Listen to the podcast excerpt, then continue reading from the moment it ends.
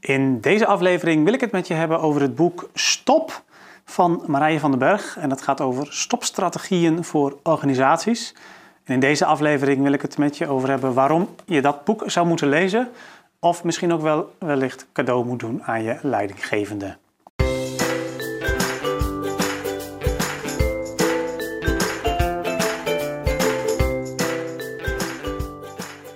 Als ik op het moment met uh, coöperatiemedewerkers spreek, als ik ze al te pakken krijg, dan blijkt dat veel mensen toch best wel onder druk staan. Hè? Er zijn veel vacatures in de sector die op dit moment niet uh, of nauwelijks ingevuld kunnen worden. Um, er zijn ook weer heel veel nieuwe opgaven. Er zijn veel uh, ja, nieuwe zaken waar je als coöperatie weer op wordt aangesproken. Op het gebied van leefbaarheid, op het gebied van verduurzaming, op het gebied van nieuwbouw. Uh, dus ook allerlei nieuwe vormen weer van nieuwbouw, zoals flexwoningen, et cetera.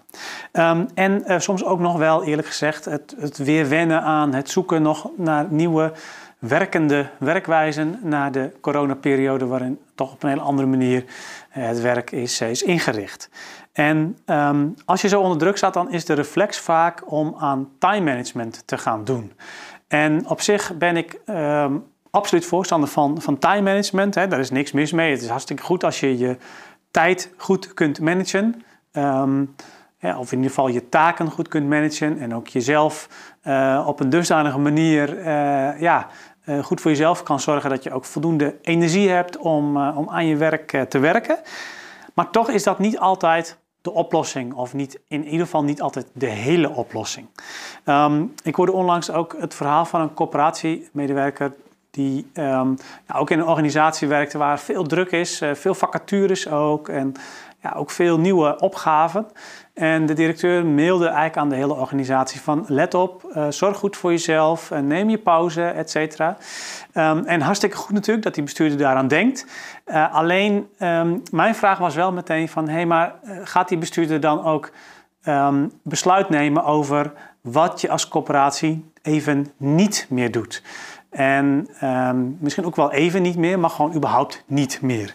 Nou, daar komt het boek van uh, Marije van den Berg dus uh, om de hoek kijken. Zij heeft daar een hele, heel boek over aangeweid over hoe je op een goede manier kunt stoppen. Um, ja, uh, er zat een paard op. het motto van het boek is ook een beetje: dode paarden moet je levend begraven. En in het boek laat ze zien welke signalen zijn er. Hè? Dus, dus bijvoorbeeld als je uh, merkt dat sommige dingen niet aan de huurders is, zijn uit te leggen, of niet aan de huurders is uit te leggen, ja, dan is waarschijnlijk al een signaal, hè, is een van de signalen waar je op kunt letten om te kijken van hé, hey, maar misschien moeten we hier dan ook wel mee stoppen. Ze schrijft ook in, ze, gaat, eh, ze gaat, schrijft ook in het boek, ze gaat in op um, de vraag van waarom is stoppen eigenlijk zo lastig?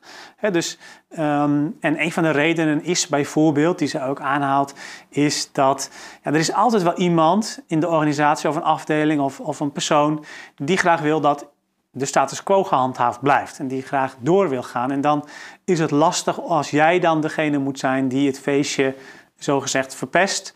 En uh, ja, toch erop wijst dat het misschien een goed idee is om ook met iets te stoppen.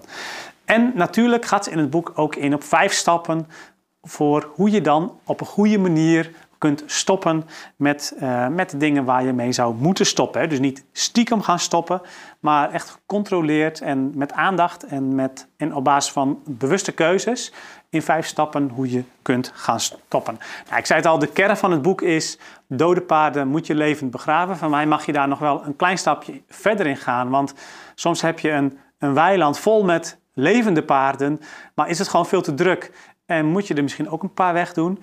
Um, dit boek helpt daarbij, dus uh, ga het lezen.